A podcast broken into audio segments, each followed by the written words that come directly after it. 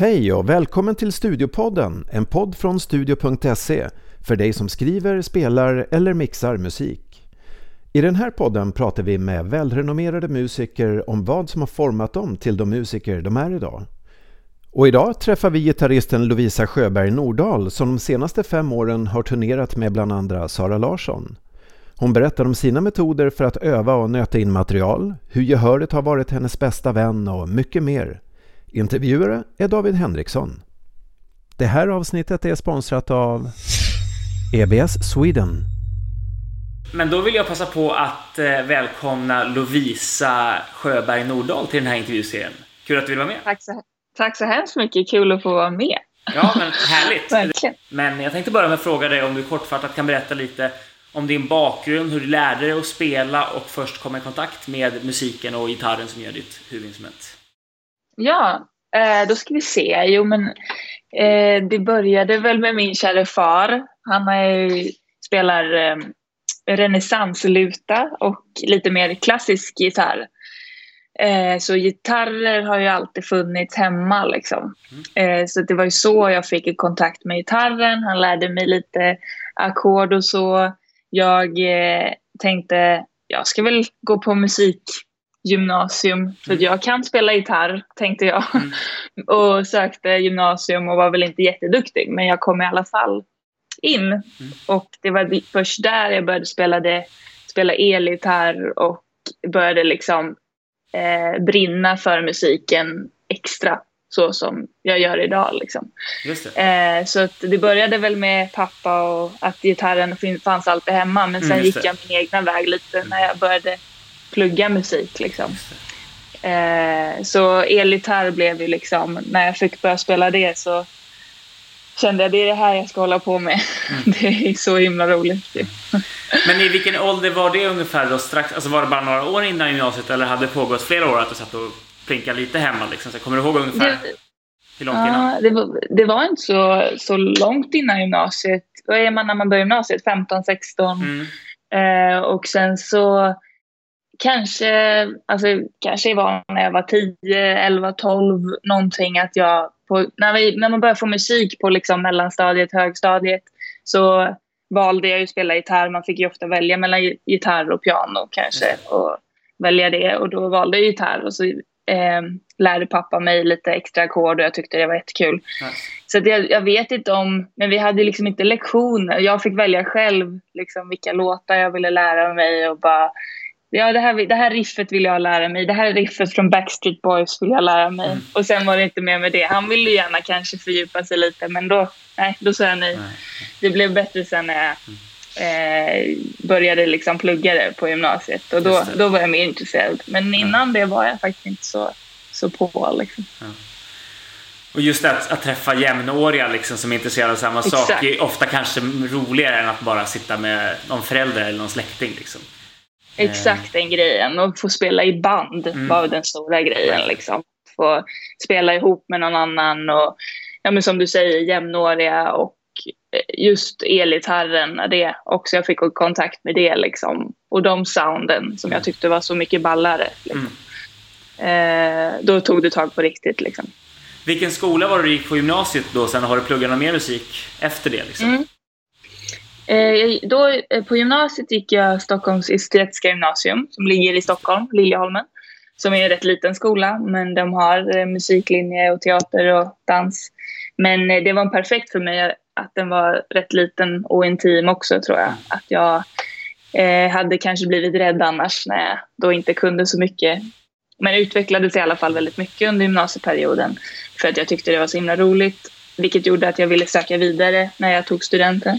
Och då sökte jag lite olika skolor men valde att gå på en skola uppe i Umeå som heter Dalkarså folkhögskola som är en musiker pop rockskola.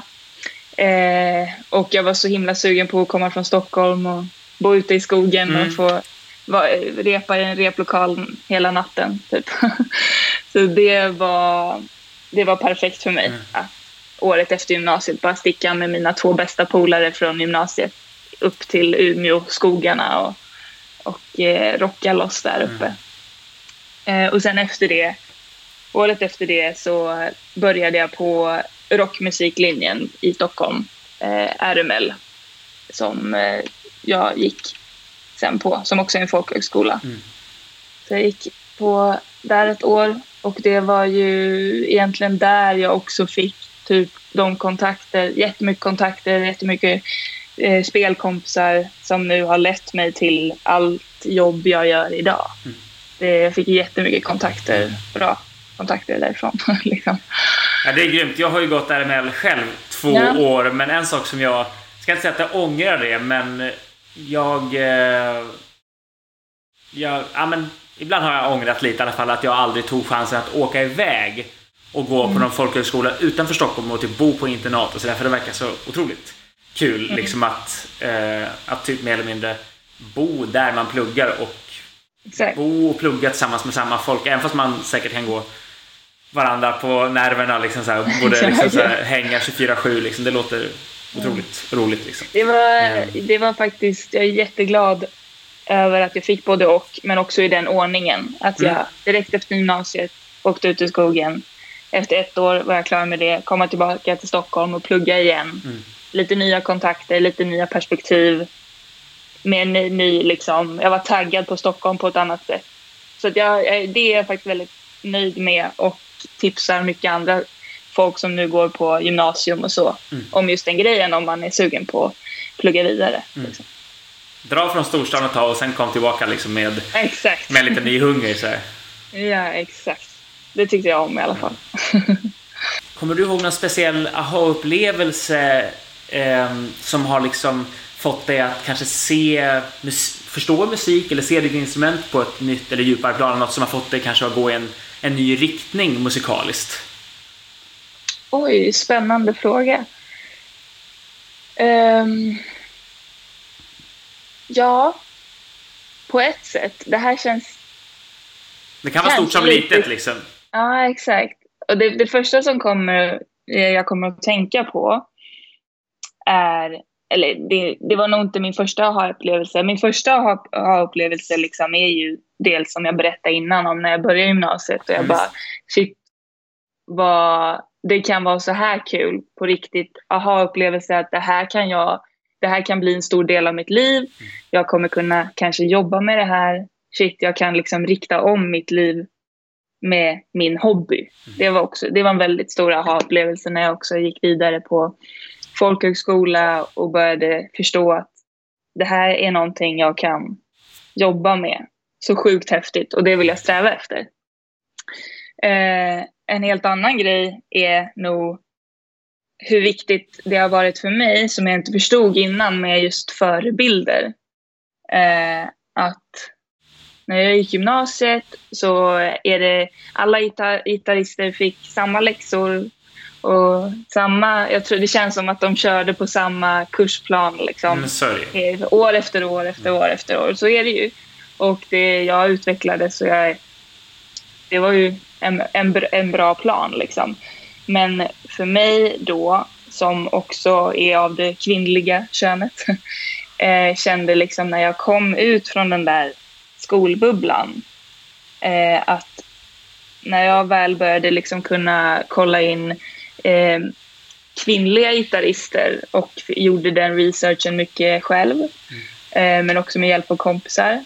Så hur viktigt det är för mig eh, för att ha förebilder. För jag har aldrig haft någon så här gitarrhjälte riktigt. Det är mm. ofta, folk frågar mig ofta det. Men jag har inte haft det från tidig ålder. Ja, det kanske har börjat komma nu för att jag har fått hitta dem själv. Typ. Mm, för, nice. för mig har det varit viktigt att inspireras Eh, jag inspireras av gitarrister av alla kön, men för mig blev det så himla stor grej när jag eh, hittade alla de här kvinnliga gitarristerna. Mm. För det hittade jag i vuxen ålder. Och att säga shit, om jag hade fått det här i tid, alltså på, i början av gymnasiet eller... Vilka, tänker du på eh, specifika gitarrister då som du kan eh, nämna liksom? Ja, alltså den som ändå kom till mig i på gymnasiet, fast kanske sent gymnas, alltså i trean någon gång, var ju Joni Mitchell. Men hon var ju mer då eh, akustiskt och det var mer hennes musik. Jag, jag gillade mer hennes musikalitet med låtskriveri och eh, coola text, bra texter och väldigt eh, fina gitarrstämningar och allt mm. det där. Och det där nördade jag in på ett tag men sen var inte det helt jag. Liksom. Men det, det var, hon var nog den första som jag bara shit vad cool liksom. Hon, mm. hon är. Sen är det ju liksom kommer in mycket i bluesvärlden och har själv spelat i ett bluesband som det bara var tjejer i. Och där gick vi ner väldigt djupt i liksom mm. vilka blueskvinnor har vi egentligen? Mm. Nu ska vi hitta dem alla och eh, eh, spela upp dem och visa dem mm. för världen. Och där har vi ju några stora, absolut. Bonnie Raitt och Susan Tedeschi och mm. dem liksom. Och det var, jag vet inte, det var bara en stor liksom, som du började med den här aha-upplevelsen. Eh, att så här, shit vad viktigt det var för mig att hitta de här förebilderna och det har ju blivit en, eh, en grej för mig också, även fast jag inte är så gammal och så stor så är det ju liksom att jag tycker det är så viktigt att jag ska finnas där för andra och då kanske speciellt eh, tjejer som vill börja spela gitarr. Mm. För att jag vet hur viktigt jag tyckte det var. Eh, så det, där har mitt, min musik, eh, mitt musikliv tagit också en annan riktning. Inte bara att jag vill jobba med det här utan jag vill också kunna inspirera. Mm. Eh, lite så. Ja, men det är grymt. Jag kommer ihåg hur eh, när jag gick, för jag är några år äldre än vad du är. När jag gick på musikgymnasium, det var en det var ingen tjej i min årskurs som spelade gitarr som huvudinstrument. Det var några som gick singer-songwriter-linjen och spelade akustiskt. Det var en tjej i min årskurs som spelade trummor. Det var en tjej i årskursen under som spelade elgitarr. Men det var liksom otroligt få på just, sen var det ju otroligt många sångerskor och väldigt få manliga sångare som gick sånginriktningar. Liksom. Det var något fler tjejer på keyboard och basinriktningarna. Mm. Men jag tror det handlar så otroligt mycket om just det du säger att får man inga, alltså man kan ju vara inspirerad av någon som inte är samma kön som en själv, men att, att få mm. de här, men där, där står en tjej och, och lirar i, i ditt fall, mm. att se det liksom. Det, skulle jag, det är lättare att se den kopplingen. Det skulle jag kunna göra mm. om det är någon av samma kön som en själv. Exakt. Det är inga konstigheter alls det är därför det har blivit en så mansdominerad värld det här liksom framförallt elgitarr mm. grejen. För att ja, men de som blev riktigt stora i början med det instrumentet mm. liksom det har ju funnits fler förebilder att ta av på något sätt. Så, Exakt. Eh, men det är, det är skönt som sagt att man ser mer... det. Exakt. Eh, men det är grymt att, att du ser det som en, eh, som en möjlighet i allt du gör att verkligen nå tjejer som är någon liksom generation yngre och få dem att se att det här... Eh, för det behövs verkligen, tror jag. Ja, exakt. Eh, och det är grymt att du ser det, det som tydliggör. Exakt. Jag tror att det finns många, bara att dels problemet innan har varit att tjejer inte kan få den plattformen som med allt annat typ, i mm. historien. Men eh, det blir bättre och bättre och ju mer man liksom upplyser det och ju mer, eh, ju mer, nu ska jag inte vara så, men ju mer jag får synas, ju mer liksom mina kvinnliga eh, musikerkollegor mm. får synas och det, det, det blir bättre och bättre ju mer vågar yngre tjejer som inte kanske har så mycket självförtroende eller kött på benen våga ta för sig också. Liksom. För att jag tror att det, för vissa är det inte alls viktigt, för vissa är det viktigt. För mig var det viktigt när jag, med just kvinnliga förebilder. Ja. Vilket du kanske inte insåg förrän, förrän du hittade dem där. Att oj vad mycket Exakt. roligare det blev nu när jag kunde relatera ja. till någon på ett närmare sätt. Liksom. Exakt, det var det jag menade med just ja. den här aha-grejen. Mm. För jag tänkte inte på det innan. Då. Alltså, jag tyckte det var jätteroligt innan också. Det handlade inte bara om det, men det var ändå ett nytt steg. Liksom. Att säga shit, ja, nu jag vill bli exakt sådär. Mm. Utan jag hade, jag, det hade jag inte sett innan. Liksom, för ja, det blev ett nytt steg. Liksom. Ja, jag förstår att, kan, att man ser en, en, till, ett till, en till platå liksom, på stegen på sätt att det går att nå sådär långt också. Mm. Liksom. För det gör ju de. Det finns ju några stycken ja. åtminstone. Liksom, så. Och man Exakt. ser ju fler och fler. Det är ju, mm. alltså framförallt typ på Instagram tycker jag se, sen vet jag inte hur mycket, för att jag nödvändigtvis inte följer allas musikkarriärer utanför Instagram som man följer på Instagram. Men det finns en del kvinnliga gitarrister som är helt sjukt bra, ja. som har jättemycket följare. Jag bara hoppas verkligen. Och det, finns en norsk eh, tjej som heter Tora Just det. Någonting. Vad heter hon? Nu vill jag också eh. kolla. Ja, jag följer henne. Jag tror hon bara heter Tora på Instagram. Ja, något sånt. Hon, är, hon är superbra. Liksom. Så det är ja, rekommendation till alla som kollar in den här intervjun. Kolla, vi kan skicka någon länk. Tora Dahl kanske. Eller sånt där. Tor. Ja, hon är jättebra. Men det är det som är så bra nu också eh, med internet, Youtube, Instagram. Att det är så mycket mer lättillgängligt Visst. för de som kanske pluggar nu och vill hitta förebilder, att det finns lätt att hitta. Liksom. Bara, eh, jag är bara 26 år, men när jag gick gymnasiet så hade inte jag Instagram och hade inte det där, liksom, koll på något det där. Så det, det var inte lika lätt att Nej. Få tillgång till det där som är, är idag och det är väldigt bra. Det är just därför tror jag att det kommer göra skillnad. Liksom. Hur är dina tankar kring gehör, notläsning och musikteori? Är det någon som du liksom har lärt dig dem parallellt? Är det någon som du har varit tvungen att lägga mer fokus på? Är det någon som du kanske inte har behövt lika mycket i din karriär? Kan du liksom reflektera lite kring dina tankar mm. kring det? Absolut.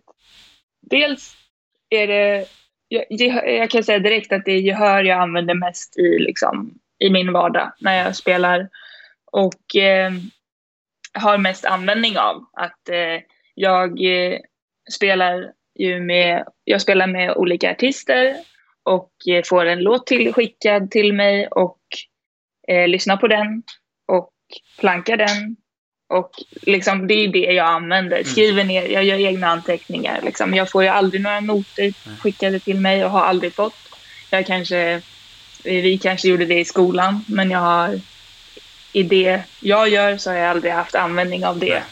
Vilket har gjort att jag inte är så intresserad av det. Eh, att lära mig det heller. eh, och så gehör har varit det jag har behövt, behövt eh, öva på och jobba på mest. Men också som jag har haft mest användning av. Mm. Um, sen har jag inte, sen kan jag inte säga att jag är särskilt bra på det. Nej, jag har inte absolut gehör. Jag, det är någonting, det känns som en kondition. Alltså det är någonting, om jag sitter mycket så har jag lättare för det. Om jag inte suttit på ett tag och ska planka en låt så kan jag känna mig bara, men gud, jag, jag hittar ingenting liksom. Utan det är, det är saker som går i perioder, men det är det som jag har haft mest användning av. Liksom. Vad var det tredje du sa? Du sa musikteori. Ja, musikteori. Ja. Ser du liksom Tänker du teoretiskt kring saker? Upplever du liksom att du tänker, ja men där ligger en maj 7 i det ackordet som löses upp till kvinten i det. Alltså så om, om det är mm. sådana voicings till exempel, eller liksom mm. ser du mer så mönsterbaserat som många gitarrister gör? Eller ja. Hur, hur... Ja. Eh, jag ser det enbart mönsterbaserat. Okay. Jag säga. Alltså jag... Eh, det där... Eh, tyvärr är jag inte jätteintresserad av teori och tycker det är liksom... Jag har inte hållit uppe det efter, efter skolgången liksom alls i hur det binder ihop. Absolut på grundläggande mm. plan mm. liksom. Men så här, jag kan inte direkt berätta varför den här passar direkt ihop med det ackordet och allting utan jag då gehörsmässigt plankar en låt och sen så skriver jag väl ner det bara för stödanteckningar och sen är det jättemycket mönsterbaserat och muskelminne och eh, vet inte, om jag, det kan ju också vara att jag kommer på något komp eller någon melodi eller en slinga eller intervallgrepp och allting till en låt. Men eh, det jag vet inte varför det, just det funkar till Nej. utan jag tycker det låter fint. Mm. Jag tycker liksom den här, det här låter fint men jag, jag, har, jag tänker inte, ja men det är för att tersen ligger där och där mm. ligger den och det är för att det, den leder till den ackordet efter. Jag mm. tänker inte alls så Nej. utan jag tycker det låter fint. Ja. Typ. det, för alltså, man får ju när man går, jag vet ju också hur det går musikgymnasium och, och mm. folkhögskola och man får ju lära sig, beroende på vilken inriktning det är man går, man får ju lära sig delar av allt det här, liksom på mm. grundläggande nivå i alla fall. Men det, typ alla som jag har intervjuat hittills i den här serien säger ju att gehöret är det som har varit absolut viktigast när de sen kommer yeah. ut i en, mm. i en mm. yrkesroll. Liksom. Mm.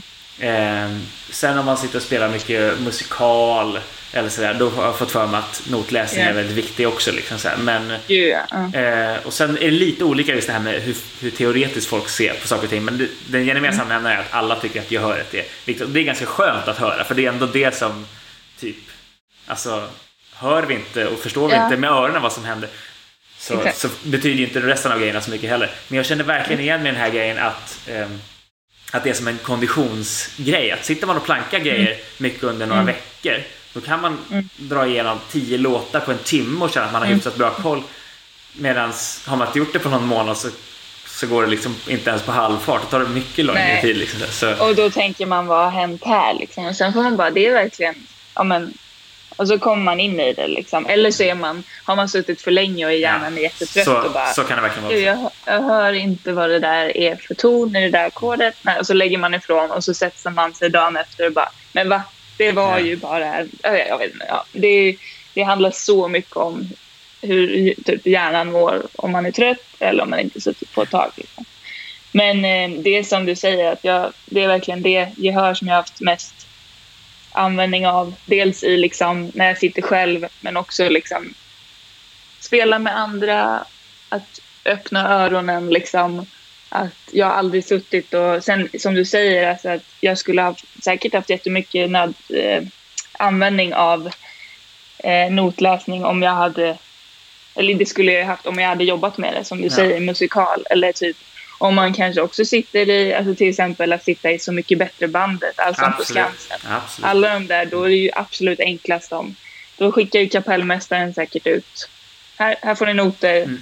Om jag inte hade kunnat läsa, då hade det ju blivit väldigt mycket jobb att sitta och göra på mitt sätt istället och mm. planka mm. allting än om bara kunnat läsa det. Liksom. Så, men då får man ju, nu som sagt har inte jag haft något sånt jobb så då har jag inte behövt göra det det är väl någonting man får öva upp om man kommer till det.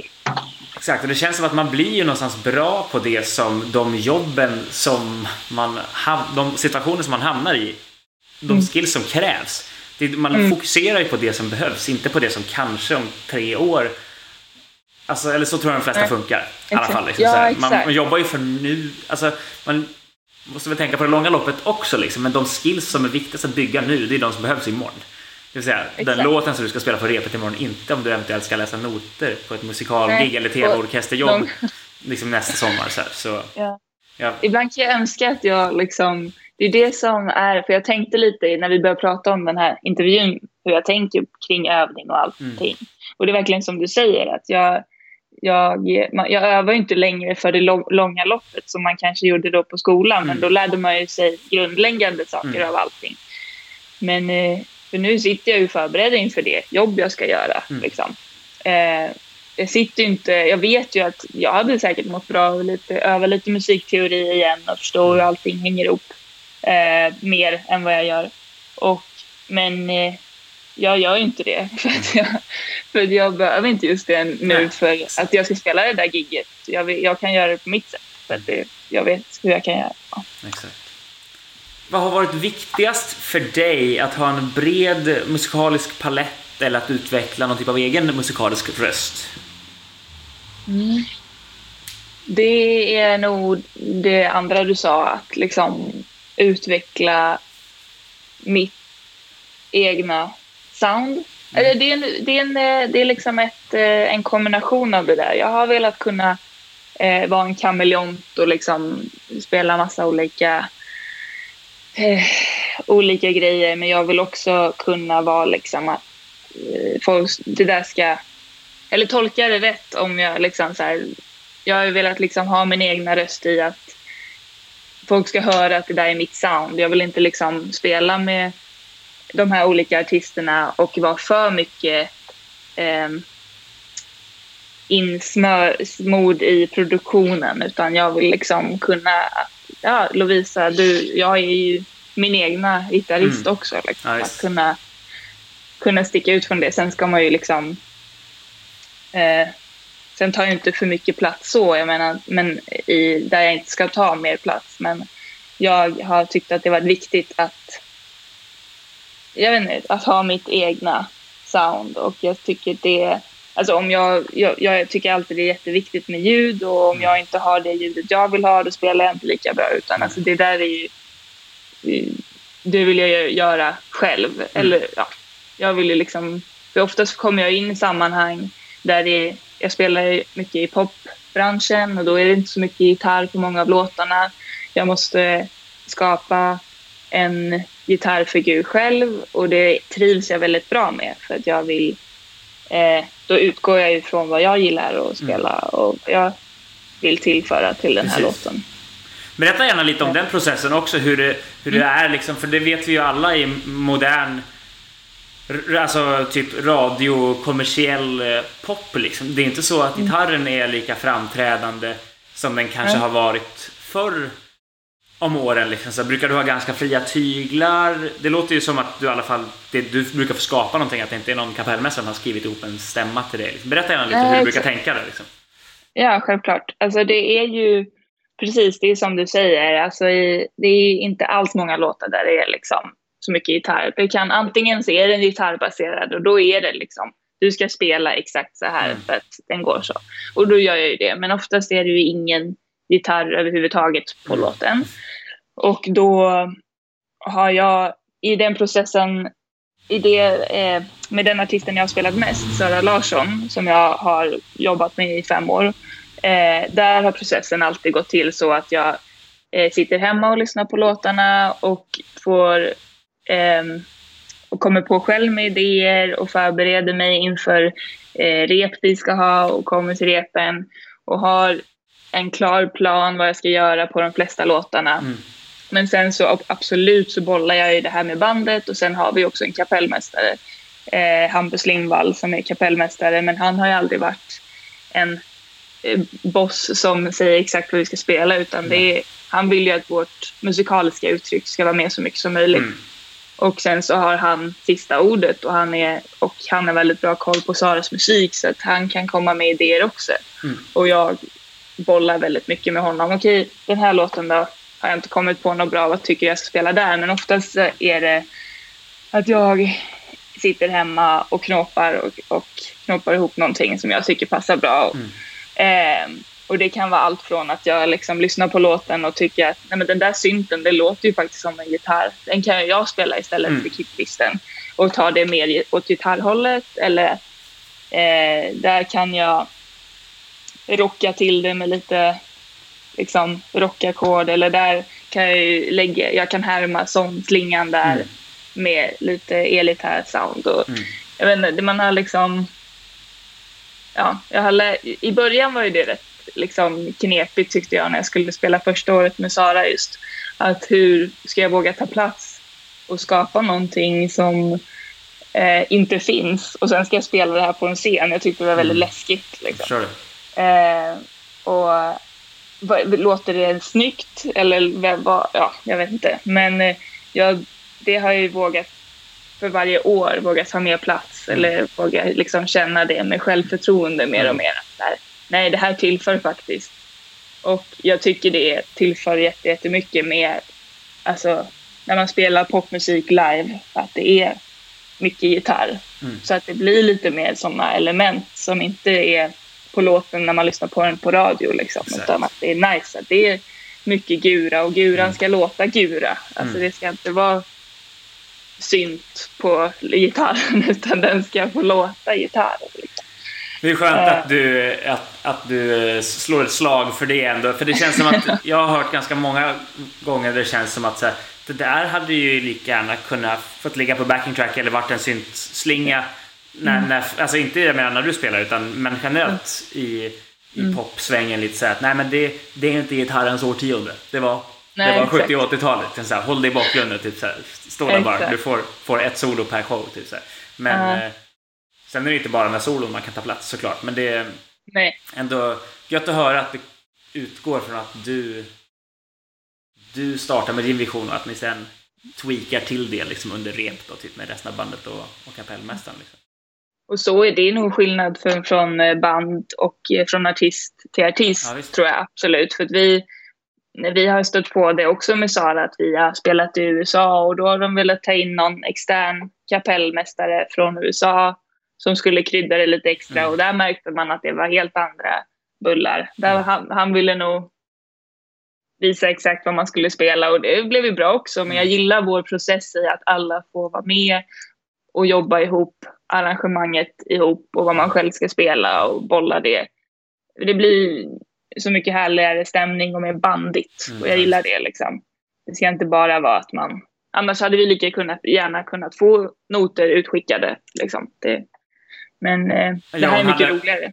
Ja, hon hade kunnat haft ett lokalt inhyrt band på varje ställe om det ändå liksom, som kom dit och repade så behövde inte yeah. betalas flygbiljetter till hela... Alltså, så här, men nu har ni ju byggt upp ett... För det har väl varit bit, eller, till stor del samma band under den här mm. tiden, eller? Ja, jag vet exakt. i alla fall några som har varit med liksom, flera år. Ja, de som... Eh, alltså, eh, bas, trummor, keyboard och jag, gitarr, mm. har varit med sedan 2015. Ja. Sen har det tillkommit körare.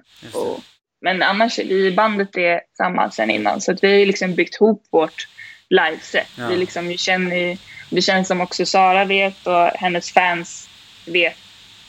Vi har byggt hennes live-sound, ja, har det blivit. För att vi har fått vara med så mycket och gett vårt eh, vår input på det liksom och allt. Ja. Det är jättekul för det känns inte som att det är jättevanligt heller kanske att, att man, nu är i och för sig Sara så framgångsrik så det är väl kul att vara med ja. på det tåget men det är väl ändå ganska ofta att någon bandmedlem byts ut för att man man Exakt. får något bättre erbjudande eller att man kanske inte hinner för att det blir för mycket jobb med en artist om man har familj hemma eller vad det nu kan vara. Så det är ändå kul att se ja. att det är så många, eller att alla i princip, eller alla i bandet med addition ja. då av eh, körsångare liksom så här, har Exakt. varit ja, kvar. Det, det, det har nog betytt jättemycket. Liksom. Alltså det, det blir så till slut när man är eh, när jag spelar liksom, med olika artister, men då Sara som jag spelat med mest, att till slut så blir det ju så mycket människorna som håller en kvar ja, än, snarare än kanske musiken. Fast mm. det är också, jag tycker det finns inget bättre än att stå på scen och spela liksom, med, med Sara och bandet. Men det är ju ändå liksom, det är så mycket tid runt omkring mm, som är. Och då att hålla kvar, alltså det känns så viktigt att liksom, att vi klickar på ett bra sätt. Annars hade jag nog inte orkat liksom på det, att turnera så pass mycket om jag inte hade gillat dem jag turnerar med. Det hade tyvärr inte, då hade jag inte varit så glad tror jag. Nej, nej precis. så, så det är viktigt. Vad gör du för att hitta tillbaka till kreativiteten om inspirationen sinar? Mm. Ja, jag tror, ja, det, jag har, ehm, det gör den ju ibland. Ja, det vet vi alla liksom. Så, därför är det kul ja, att höra exakt. folks. Ja, det, för det, det, det är så, oj vad jag stakar mig. Nej men det, när den gör det så kan man, så känner jag ibland att det känns sorgligt. För att jag går direkt ner, tycker jag inte det här är kul längre, vad är problemet med mig, bla bla bla. bla. Men det är inget konstigt att känna så. Och det bästa jag vet då är att gå på konsert, eh, lyssnar bara på mina favoritartister eller ser livekonserter på Youtube. Men när det inte är corona så är det ju livekonsert som gäller. Och för då inspireras jag som mest. Och så står jag där och bara, gud det där är ju det bästa som finns. Nu vill jag gå hem och planka alla de där låtarna som de spelade ikväll. Eller att jag blir så inspirerad av att gå på konsert. Och bara liksom dels inspirerad att gå hem och sätta mig med gitarren men också inspirerad av att det här är faktiskt det jag vill jobba med. Eller ja, allt sånt där. Så det är, för mig är det absolut live-konserter som är den bästa inspirationen som får mig på banan igen. Att det här vill jag ju faktiskt hålla på med. Liksom. Mm. Nu kör vi igen. Vilket skönt och ganska enkelt svar att du har hittat ett ja. koncept som verkar ha funkat gång på gång på gång. Liksom så ja. För det kan ibland ja. ha hört folk som liksom säger äh, men det, det, är olika varje gång. Jag vet aldrig vad som får tillbaka det. Men det känns som ett... Mm. Och som sagt, så länge det inte är pandemitider så är det ju ganska lätt att, mm. att på konsert. Liksom, så här. Precis, det går att ordna. Liksom, så. Sen, är det, sen kan det vara, det, det, bästa som finns är också när jag ska gå på en konsert och inte riktigt vet vad jag har att vänta mig. Liksom. Jag har inte så bra koll på bandet eller att jag inte alls har koll på vad jag ska se eller att jag är på festival och inte vet mm. vad som spelar. Men att man hamnar på en plats och blir helt blown away och slagen i hela, liksom, av vad, hur bra det är. Liksom. Mm. Det är ju den bästa inspirationen. Eller att också gå och kolla på någon jag vet jag gillar det är ju såklart jättebra också. Men för mig har det ändå varit liksom det som ger mig mest inspiration.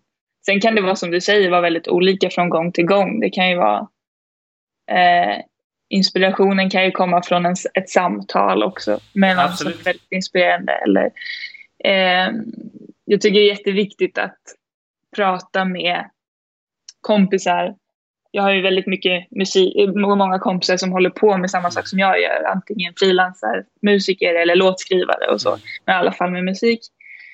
Och det är så skönt att prata om det. När inspirationen sinar och man tvivlar och jag tvivlar på vad jag egentligen håller på med så är det ändå det bästa är att prata med mina vänner då. För att jag vet ju att jag inte är ensam om det. Mm. Och eh, då, finns det, då kanske den personen har mer kraft eller inspiration och kan, det känns som den för över lite kraft liksom, tillbaka till mig. Man får hjälpa att eh, lyfta varandra helt enkelt. För man kan inte alltid lyfta sig själv. Nej. Liksom så här, liksom, så. Och du har säkert fått vara den som bollar med någon eller som liksom hjälper dina vänner när de kanske känner att fan, ja. nu är inspirationen på botten här. Liksom, så, här, så. Ja, gud ja. Det... Nej, det är så viktigt, det har märkts med många grejer. Liksom. Dels våga fråga, dels våga prata om när det om man tvivlar på sig själv mm. liksom, med musikmässigt, men också att våga be om hjälp om det är någonting man inte kan också. Mm. Att, eh, det kommer jag ihåg tyckte jag var rätt läskigt när jag pluggade. Att eh, shit, den här, jag fattar inte hur jag ska kunna klara att spela den här låten. Mm. Eller hur ska jag lära spela? Jag vill inte jag vill inte säga högt att jag inte vet hur den här skalan går eller vad det nu kan vara. Eh, att det var så läskigt att fråga kanske dels kompisar eller också lärare. Men när jag väl började göra det så var ju inte det, då fick jag ju hjälp och det var ju ofta, ofta är ju de, de man frågar väldigt hjälpsamma också. Mm. Det är inte som att man vill sitta inne på den utan att man håller det hemligt den informationen utan jag hjälper gärna till när någon frågar mig också. Så ja det är så viktigt att fråga om hjälp om det är någonting som man inte vet eller inte kan eller vill lära Precis. sig. Exakt, eller vill verkligen. Ja. För då, många mår ju faktiskt ganska bra att få dela med sig av en sån grej också, även fast det för dem är liksom en uh, piece of cake. Att liksom säga, men jo men så här funkar det, här har jag använt mig av. Det, här, mm. det är jätteglasklart egentligen om man bara ser det ur den här synvinkeln. Mm. Alltså jag, jag tycker att det är jättekul också att dela med mig av, av sådana. Mm grejer liksom. Så jag tror att man kan till och med göra folk, folk som kanske känt sig lite down själva. Liksom, så här, jag behöver hjälp med sak. Kan du mm. hjälpa mig? Så märker mm. de själva liksom, att men shit, nu, nu hjälpte jag Lovisa, nu hjälpte jag David. Yeah. Här, vad grymt liksom. Exakt. Så blir de själva upplyfta. Av, så det eh... Ja, gud det är, man, båda får någonting utav det. Exakt. Alltså Exakt. om personen är att den inte att den inte tycker liksom att um, att man inte vill ge med sig den, den, informationen så tycker jag inte man ska vara kompis med dem. För då, ja, det är lite så. vad är problemet liksom? Man, ja. man mår så bra av att hjälpas åt. Ja. Och så får man det tillbaka någon annan ja. gång. Liksom. mycket, vis, mycket visa ord alltså. eh, kan du identifiera några tydliga liksom, perioder i din musikaliska bana? Att du liksom mm. till exempel för för tio år sedan övade och spelade på ett visst sätt och sen såg det annorlunda ut för fem år sedan? Eller kan du liksom se några sådana tydliga perioder? Ja, alltså det, för mig var det väldigt tydligt när jag väl började, alltså när jag började spela gitarr, det var ju typ på gymnasiet liksom, som det drog fart på riktigt och jag började mm. öva liksom. Innan dess så var det så himla sporadiskt och mm. inte riktigt hade någon liksom grund i det, men så det hela gymnasiet blev någon slags utvecklingsperiod bara. Mm. Jag bara sög in information mm. bara, liksom, från alla håll och kanter. För jag visste inte vad, som, vad jag gillade att spela utan det var bara så här. Okej, okay, jag testar lite det, jag testar lite mm. det, jag suger in här. Och så, så hela gymnasiet var bara en så här inlärningssuga åt sig period mm. känns det som. Eh, som var jätte, jätteviktig. Jag, det var ju ashäftigt och jag har ju nog aldrig tagit in så mycket som jag gjorde då liksom. Att jag blev aldrig trött på det utan det var Nej. bara så här, ja, ge mig mer, ge mig mm. mer, ge mig mer. För att det var, jag var så öppen för det. Sen efter det började jag väl lite skapa liksom vilken riktning jag ville gå, mm. typ. Um, men uh, ja, alltså tydliga liksom milstolpar typ, eller vad? Ja, vad? men uh, till exempel, liksom, om, uh, det är lite fritt för tolkning också liksom så här. ja, jag men alltså det har väl varit lite liksom, för efter gymnasiet visste jag inte riktigt vad jag började ju på folkhögskola och så och då mm. tyckte jag det var ju asfett att spela i band och liksom vilja uh, satsa på den grejen. Liksom. Mm. Skriva musik.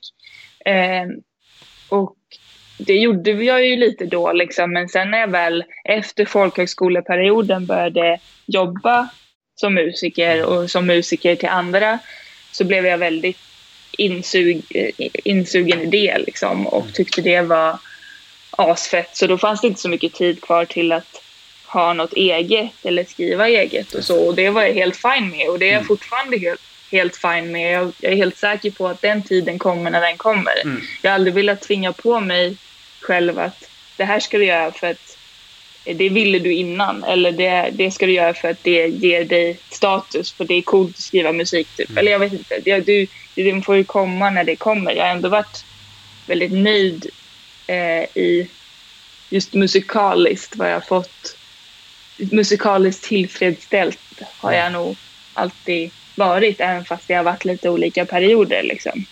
Jag tycker ändå, just som jag sa innan, att eh, i popbranschen så är jag ju väldigt kreativ ändå. Jag skriver mm. mina egna gitarrslingor och det är jag väldigt nöjd, mm. nöjd med. Liksom. Sen eh, har jag fortfarande en väldigt stor dröm om att ha eget band och skriva musik och liksom göra den grejen. Men ja. det har liksom inte... Det, det, det, får ta sin tid när det kommer. Liksom. Mm. Ja, det vill jag inte stressa in på, liksom. men det har ju varit... Det har ju gått lite olika vägar utan att jag har egentligen valt det. Utan jag tror att jag har hamnat någonstans och så jag, tycker jag det är kul och så ger jag mig allt in på det och sen hamnar jag någon annanstans mm. och då ger jag allt i det. Och det är ja, nästan det bästa för uh, ibland tror jag att man låter liksom så här, Det är kanske nästan utomstående faktorer som liksom guidar en så här, men, men det här känns ju bra, jag kör på det ett tag. Och sen när det inte känns bra längre då, då kommer det kanske någon annan dörr som nästan uppenbarar sig och öppnar sig.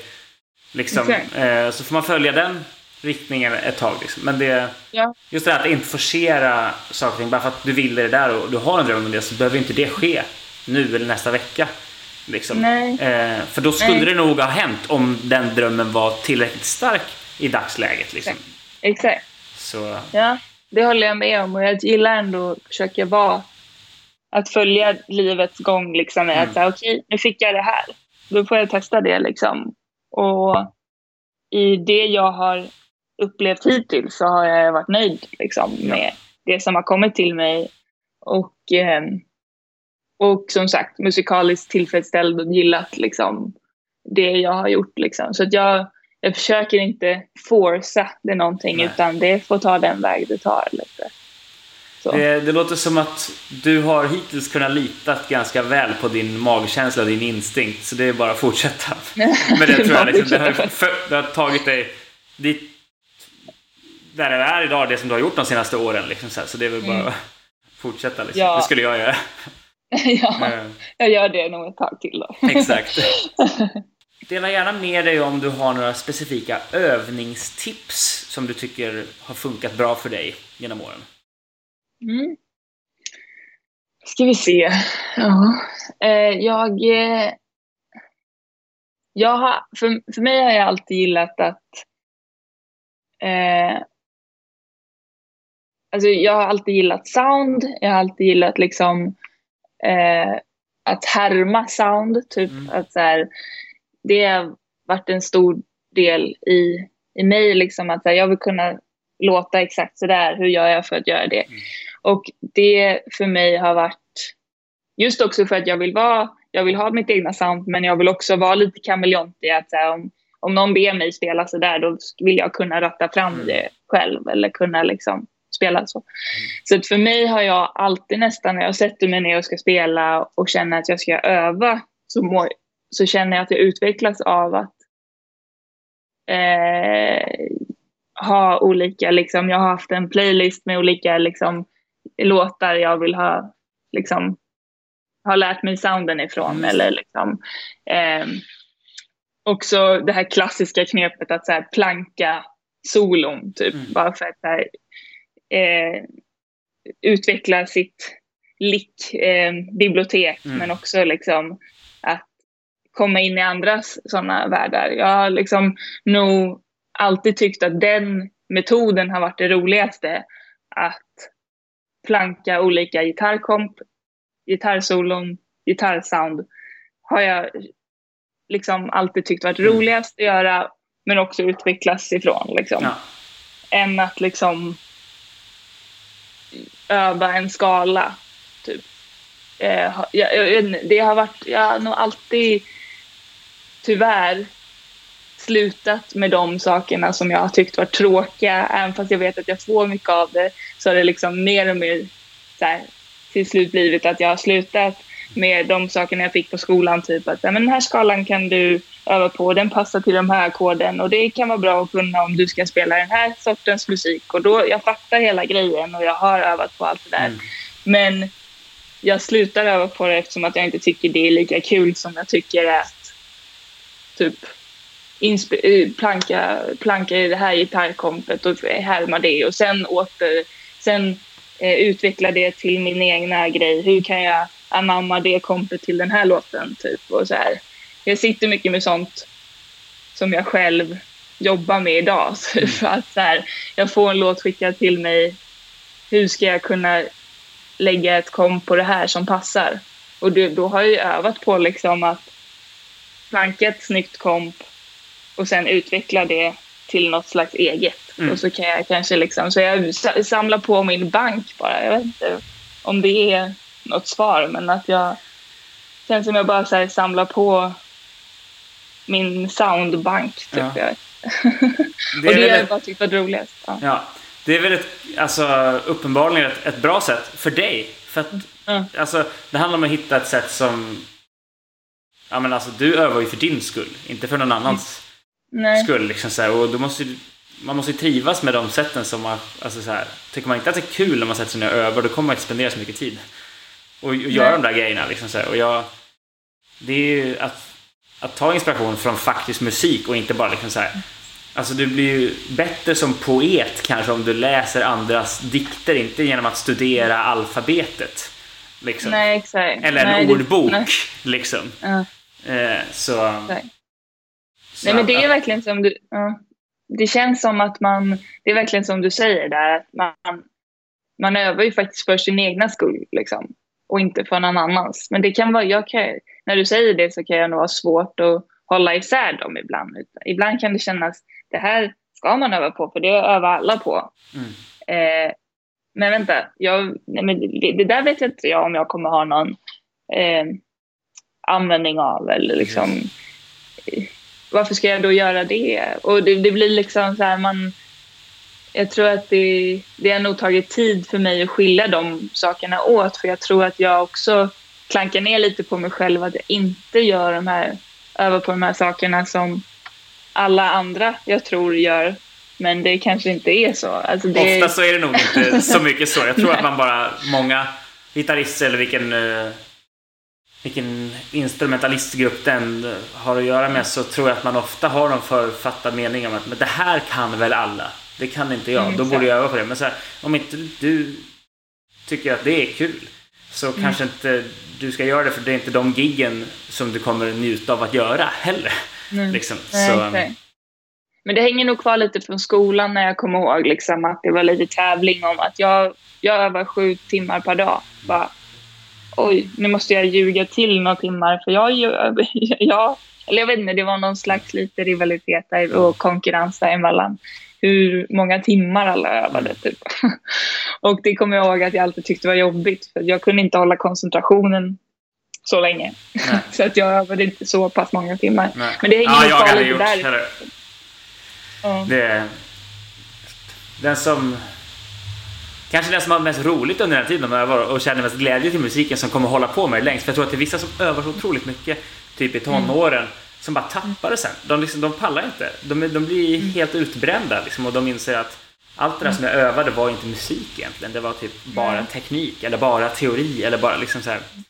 Så jag tror att det, det finns nog någon, någon lagom variant av övning också där det inte okay. Inte alltid de som har suttit mest i övningsrummet som kommer ut och mm. faktiskt spelar mest. Liksom. men för mig har det blivit mycket att jag analyserat vad jag tagit med mig av hela liksom, musikteorimässigt och allt sånt där. Och det jag tar med mig mycket i den eh, hur, det, hur jag spelar idag och vad jag har användning av är ju de här basic-grejerna. Liksom. Mm. Pentaskalan, absolut. Det, den åker med överallt. Mm. Typ. Och det har inte behövts så mycket mer än Nej. så på, i, den, i, det, i de genrerna jag mm. spelar. Eller typ så här, tre klanger uppbyggda mm. på hela eh, gitarrhalsen mm. så att jag kan liksom, vad är den kortaste vägen att gå? Alltså mm. så här, allt det där har ju har varit så himla användbart. Ja. Men det, är liksom, det går inte så mycket längre än så. Resten det är byggstenarna liksom. Det är ja, så exakt. otroligt. Det är grunden liksom. Sen kan mm. man inreda med allt möjligt. Men mm. där har du ju liksom... Ja, sitter inte de där grejerna då är det ju väldigt svårt att Nej. få någonting av resten att, att fungera i ett sammanhang. Liksom. Exakt. Ja, visst, exakt. Och det, de grejerna har jag använt såklart jättemycket. Men hur mina byggstenar har varit sen mycket sound eller liksom har varit liksom ut, eh, bygga mitt bibliotek på i eh, olika nice komprytmer eller mm. vad det nu kan vara liksom. Um, ja, lite så. Jag vet ju att när du har varit ute med bland annat Sara så har ni ju varit, det har inte bara varit runt om i Sverige utan det har varit både USA och typ har ni varit i Asien också, har för mig att jag har sett? Ja, vi, och liksom så här... ja, exakt. Och vi har varit ja, men, i Europa, i Australien var ja. vi. vi ja, ja, lite överallt. Jag har ja. typ glömt bort. Exakt. Hur upplever du liksom att, att skillnaden är eh, liksom hur, hur musiken mottas av publik, hur hur liksom typ de lokala, kanske crew och liksom personal behandlar er liksom så här. Kan du gärna göra någon liten så översiktlig jämförelse mm. hur du upplever att det har varit liksom likheter och skillnader? Mm, fattar. Publikmässigt så kan det vara väldigt olika från stad till stad, till och med i samma land som USA till exempel. Mm. När vi har åkt på en USA-turné så är ju liksom publik, det, det, det är liksom känt sen innan verkar det som när man kommer typ till LA och bara LA-publiken, den är svår typ. Mm. Eller så här, den får man ju höra, jag vet inte, får man höra och så går man upp och bara oj, ja, här var det svårjobbat liksom. Eh, att det kan liksom bli väldigt olika Sen, sen kan man höra efteråt att de älskade det och de mm. var i extas. Men, men det, det, var samma sak när vi var i Japan och spelade och det var så himla liksom respekt till musiken. Att det var helt knäpptyst mm. under hela, alla låtar. Och sen så precis när sista tonen var lagd, då blev det jätte, mm. enormt jubel. Liksom. Men det är sån respekt att vi får spela klart. Liksom, och så. Eh, men annars, det har alltid varit liksom, det har alltid känts som att där vi har varit och spelat så har alltid musiken blivit mottagen väldigt bra. För ofta är det fans som kommer. Mm. Är ju. Och eh, oavsett vilket land de är ifrån så har det alltid blivit bra eh, mot, mottagit, mot, det har blivit bra mottaget, säger man så? Ja. Eh, och, eh, men om man tänker då ba, alltså, crewmässigt och liksom allt som händer bakom liksom, mm. så är det alltid Ja, det, det kanske är olika. Jag tycker, jag, om jag, nu när jag tänker på det så vet jag inte om jag har någonting speciellt som är så stor skillnad från land till land. Liksom. Det känns som att det finns en specifik mall typ, mm. som alla följer. Alltså här, sen kan, har man ju hamnat på olika roliga liksom, venues som kanske är antingen helt förfallna eller inte alls. Liksom. Mm. Men just liksom, hur man jobbar med människor känns som det alltid är samma. Liksom. Jag har ju den enorma lyxen att just med Sara inte vara så mycket på scen om jag inte är där och spelar. Nej, um, så för mig blir det ju mycket att jag jobbar med samma människor för det är mm. vårt crew som åker Exakt. ut. Liksom. Eh, och de trivs jag ju väldigt bra med liksom. Mm. så det är jag ju väldigt glad över. Liksom. Men det, jag möter ju inte så mycket andra än de, vårt crew. Nej, jag förstår. Så.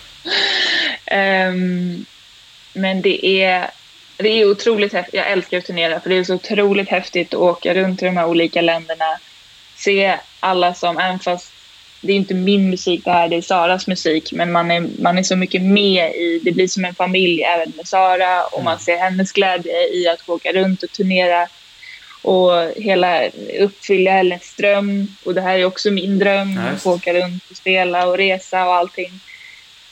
Så det är så häftigt att åka runt och spela och träffa också de här fansen som är fans till Sara men som även liksom man märker uppskattar oss och vi får en otrolig uppskattning att hon har liveband och eh, i, i den här branschen liksom när vissa kanske inte märker om hon har band eller inte kan man tänka.